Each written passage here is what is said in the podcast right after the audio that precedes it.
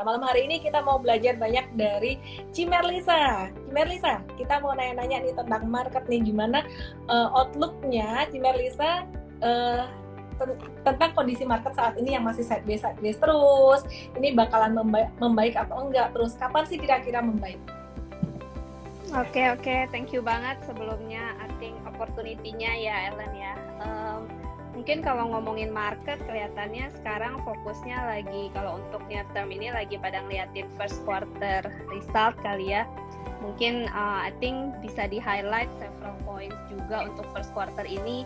Kenapa penting? Uh, ya karena mungkin kalau kita bandingin sama base tahun lalu, tahun lalu kan belum COVID ya. Jadinya mungkin secara year on year memang growth-nya bisa dibilang bisa kelihatan real growth situation-nya seperti apa. Itu satu. Dan yang kedua, ini penting untuk melihat uh, apa ke depannya ini bisa ada upgrade potensial gitu ya untuk market. Uh, apa ada kemungkinan uh, sektor-sektor mana yang bisa beat expectation? Kebetulan sekarang yang baru keluar kan banyak kan masih banks ya dan banks uh, masih cukup oke okay juga sih resultnya kelihatannya beberapa big banks uh, juga uh, in inline or beat expectation uh, terus mungkin yang ketiga uh, kita, uh, aku sih ngelihatnya untuk market ya near term katalisnya selain earnings ini udah pasti kalau di second half ya semuanya juga udah denger ya terkait sama uh, digital gitu kan new economy uh, mungkin ada potensial IPO makanya mungkin marketnya sideways ya karena earnings upgrade potensialnya juga kelihatannya cukup limited gitu ya. Oke oke. Kalau hmm, kalau uh, Bu Merlisa sendiri kalau ngelihat market saat ini tuh uh, sektor yang bakalan potensial ke depan apa sih Oke, mungkin kalau ngomongin sektor, karena kebetulan aku kan covernya memang consumer sama healthcare ya.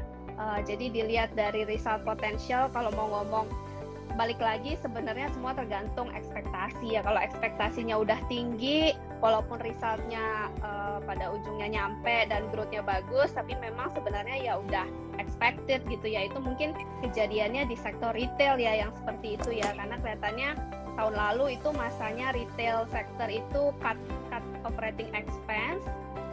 Jadi memang operating expense-nya udah rendah banget. Nah, begitu revenue-nya mulai naik karena udah reopening, uh, jadinya boleh di, boleh apa boleh dibilang tahun ini harusnya growth-nya super strong gitu ya secara year on year. Apalagi nanti di second quarter karena tahun lalu kan base-nya rendah sekali. Tapi ya aku rasa sih itu udah expected ya. Jadi mestinya nggak bisa dibilang itu bakal uh, beating expectation.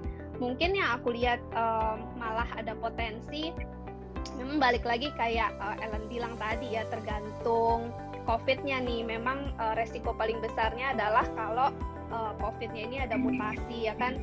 Kayaknya uh, Menteri Kesehatan kita um, Pak Budi baru announce juga nih uh, udah ditemukan juga ya beberapa kasus. Kebetulan kemarin kita juga sempat ngobrol sama hospital player. Itu juga memang mereka mulai bilang satu dua minggu belakangan um, mulai ditemuin lagi uh, kasus yang beda. Jadi treatment yang dipakai sebelumnya mungkin nggak bisa uh, efektif lagi untuk uh, nyembuhin uh, pasien-pasien ini gitu ya. Yang ditakutin uh, kuncinya nih lebaran ya mudik ini ya. Kalau memang uh, benar-benar executionnya bagus, penerapannya strict, ya mungkin itu uh, masih bisa ke handle ya covid case kita. Tapi kalau memang pada kenyataannya di lapangan nanti uh, agak berantakan, uh, menurut aku sih malah ada potensi untuk uh, masuk ke sektor healthcare gitu ya.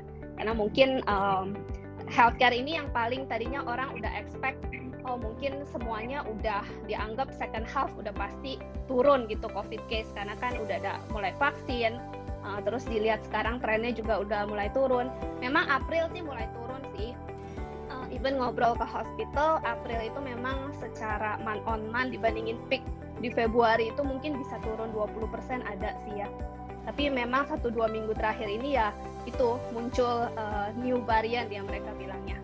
Gitu sih. Jadi ya aku pikir kalau dibandingin sama ekspektasi yang mungkin lebih buruk dari ekspektasi aku pikir itu staple staple sector gitu ya. Uh, dan kalau untuk yang mungkin bisa beat expectation ya itu healthcare sih